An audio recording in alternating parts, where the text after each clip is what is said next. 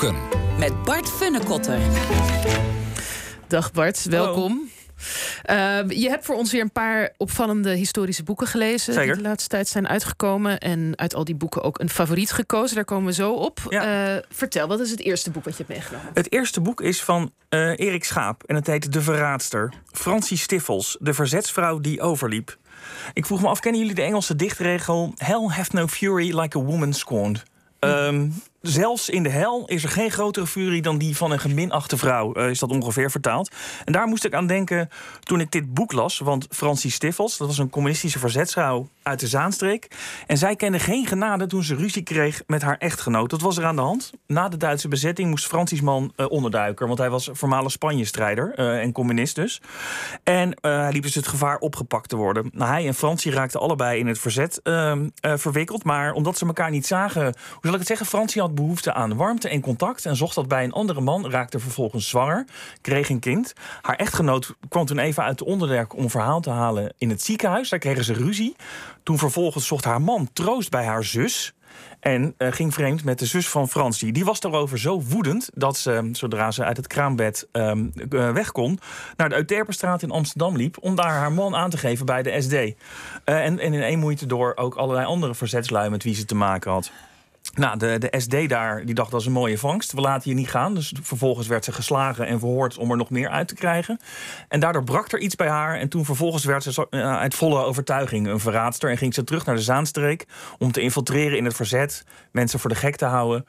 Uh, en, en te verraden, uit te lokken uh, en te verraden. Nou, uiteindelijk werd, dat dus, werd ze ontmaskerd door het verzet. Ik verraad daarmee niets, want dit boek begint met de scène waarin haar lijk gevonden wordt in een weiland.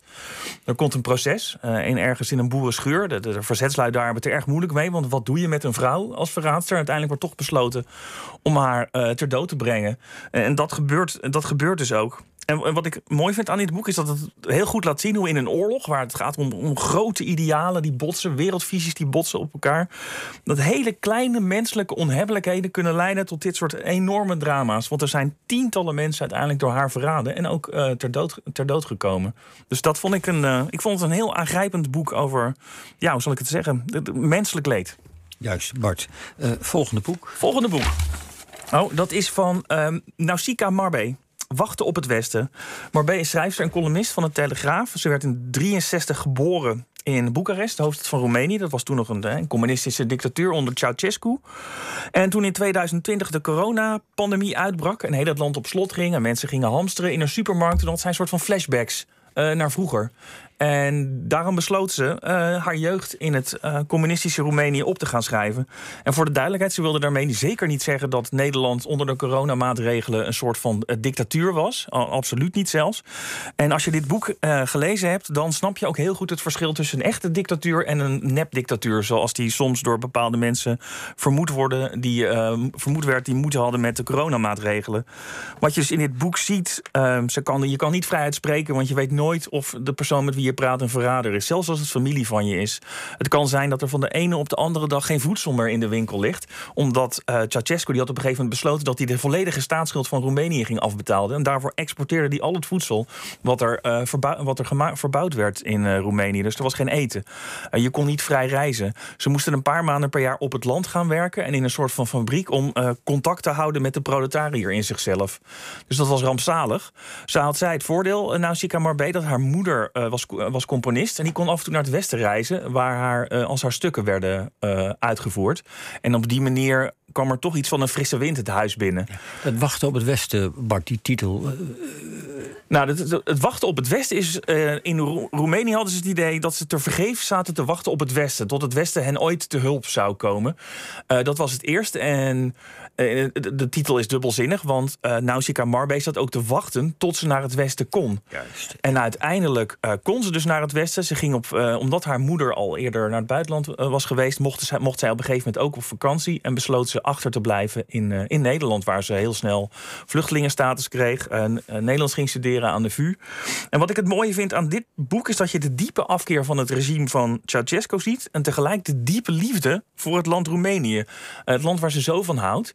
En haar als jonge vrouw lukt het om die wortels door te snijden en naar het buitenland te vluchten, weg te gaan. Maar haar ouders, die ook heel erg lijden onder die dictatuur, die lukt dat niet. Zij zijn zo, zitten zo vast in dat land, in die geschiedenis, de verhalen van hun ouders en grootouders, dat ze, ondanks dat het daar zo verschrikkelijk is, uh, blijven. En uiteindelijk in 89 uh, eh, valt het regime en komt er iets van vrijheid en, en, en welvaart. Maar je, dit boek maakt ook heel duidelijk dat vluchten, zal ik maar zeggen, dat, dat is een, een, young people's game. Dat doe je dus inderdaad als je jong bent en een toekomst voor je hebt. En als je wortels te diep zijn, ook al is het nog zo erg, is het heel moeilijk om weg te gaan. Dus ik vond het een heel, heel mooi boek. En ik dacht ook van al die natuurbeschrijvingen van uh, Roemenië. Ik ben er nooit geweest. Moet ik misschien een keer. Je vakantie moet, moet ik er naartoe? Ja, het ziet er echt. Ik was heel, een heel mooi land als ik het zo, als ik het zo las. Dan het volgende boek. Marcus Rediker, Het slavenschip. Een verhaal over mensen. Dit is een verhaal dat gaat over de, eh, dat gaat over de schepen die in gedurende drie eeuwen 12 miljoen Afrikanen van Afrika naar Amerika transporteerden en in de slavernij voerden. Het is een studie naar het leven aan boord van dat schip. Het gaat dus over de kapitein, de bemanning, uh, de slaven.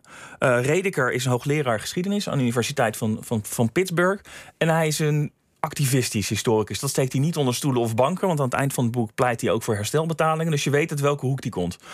En het is een boek wat echt laat zien hoe verschrikkelijk het was aan boord van zo'n schip. En bovenaan de piramide stond de kapitein. Dat was een alleenheerser, een dictator, die heerste over, over zijn schip, op, vaak op hele gewelddadige manier. En het interessante was is dat Redeker zegt dat de slaven hadden het het allerverschrikkelijkst. Maar de bemanning was ook een soort van uitgebuite onderklas. die door het kapitalisme, door de, de, rijke handelaren, de rijke handelaren in Londen en in Amerika werden uitgebuit. om die menselijke waar van Afrika naar Amerika eh, te brengen. Dus die, die bemanning was nauwelijks beter af. En dat zie je ook aan de sterftecijfers. Want onder die bemanning waren die bijna net zo uh, hoog als, als onder de slaven. En Redeker doet dus zijn best om die slaven een stem te geven. En, en ook die bemanning.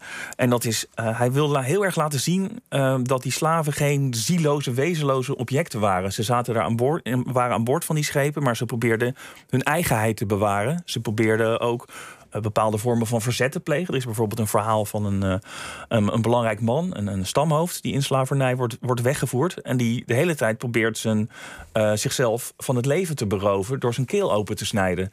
En de, de, kapitein en de bemanning die snapt dat maar niet. Van hoe doet hij dat nou? Want er is toch helemaal. Er, zijn geen wapens. We hebben het ruim heel goed doorzocht. Hoe kan dat nou? En uiteindelijk blijkt dus dat hij met zijn eigen nagels elke keer zijn halsslagader uh, openkrabt. Zo erg wilde, zo erg leidt hij onder het feit dat hij onvrij is. En uh, dat maakt, dat maakt dit boek een heel aangrijpend boek. Er zijn natuurlijk bijna geen getuigenissen van voormalige slaven. Dus uh, Redeker moet het doen met wat uh, uh, kapiteins en bemanningsleden later zelf hebben gedaan. Ook met getuigenissen die door abolitionisten zijn opgetekend. Mensen die de slavernij uh, wilden afschaffen. Hij gaat daar, moet ik dan als, als je kritiek wil hebben op de historische methode, hij gaat daar ver in. Hij kleurt veel in. Dus hij probeert in de huid van zo'n slaaf te kruipen en dan een beetje zeggen wat zou die voelen op dat moment en zo. Dat is op het randje van, van wat kan. Maar uh, ik denk dat in, omdat hij zo duidelijk met open vizier uh, strijdt. Hij is iemand die activistisch is. Hij valt het kapitalisme aan en de, de, slavernij, waarvan hij vindt dat dat aan, het basis, aan de basis van het moderne kapitalisme ligt. Vind ik dat je dat. Dan is het te billijken. Je weet in ieder geval waar je, waar je aan toe bent. Al met al is dit dus een, een boek een, echt een jacques, uh, zal ik maar zeggen. En omdat het niet, uh, het staat niet vol met tabellen van omzet en, en waren die, uh, die, die verplaatst werden. Het is echt een, een mensenverhaal. En dat maakt het, dat maakt het heftig, maar wel het lees waard. Goed, en dan um, naar het laatste boek. Eh, eh, zoals onze oplettende luisteraars al hebben opgemerkt... Uh, we hebben tegenwoordig vaker dan eens per maand een boekbespreking. Dus het is niet meer een boek van de maand. Het is een boek van eens in de zoveel weken. Het, is, het is het boek van Bart, dachten we, kunnen we dus zeggen. Um, wat wel het oude is gebleven, nog even huishoudelijke mededeling. Luisteraars kunnen het boek winnen. We verloten drie exemplaren. En dat kan uh, door het bericht hierover te liken op Facebook of Twitter... of door te mailen naar ovtboek.vpro.nl. Nou, vertel. Ja, dit boek is van Dan Jones. Het heet Van Rome tot Rome. Een nieuwe geschiedenis van de middeleeuwen. Een tijd dus waarin we nu weten iedereen dat iedereen op kleine paarden rond, uh, rondrijdt. ik was sceptisch toen ik dit boek voor het eerst in de hand had. Want ik dacht, wat is het? Dikke 600 bladzijden, de hele middeleeuwen. Dat is wel een beetje veel. Want Van Rome tot Rome, de titel slaat erop. Het, het verhaal speelt van 410, toen de grote Rome plunderde, tot 1527, toen de Fransen dat deden. Dan heb je precies de hele middeleeuwen te pakken. Maar ik begon er sceptisch met lezen en aan het eind was ik overtuigd. Want Dan Jones kan echt verschrikkelijk goed schrijven. Uh, hij sleept je er heel makkelijk doorheen. En toch uh, slaagt hij er ook in om alle academische controversies rondom uh, geschiedschrijving van de middeleeuwen nog even aan te stippen. Dus het is, het is niet oppervlakkig. Hij werkt zijn thema's uit aan de hand van één persoon of één plek. Bijvoorbeeld als het over monniken gaat, gaat het over de abdij van Cluny. Als het over de ridders gaat, gaat het over Willem de Maarschalk. De, de, de beste ridder aller tijden werd hij ook in zijn tijd al, al genoemd. En op die manier maakt Jones door in te zoomen, laat hij ook het grote beeld zien. En het interessante is, is dat, hij, dat je in de loop van de middeleeuwen al ziet... dan krijg je hoofdstukken die gaan over kooplieden, over wetenschappers, over bouwers... dat de middeleeuwen niet zo achtelijk zijn als we dachten... en dat al ruim voor de renaissance uh, de moderne tijd aan het beginnen is. Dus een heerlijk boek, moet ik, uh, moet ik zeggen. Heel veel plezier gelezen. Goed, dankjewel Bart Funekotter. En wie dus kans wil maken op dat boek, uh, nou, like het bericht erover of stuur een mailtje naar OVT Boek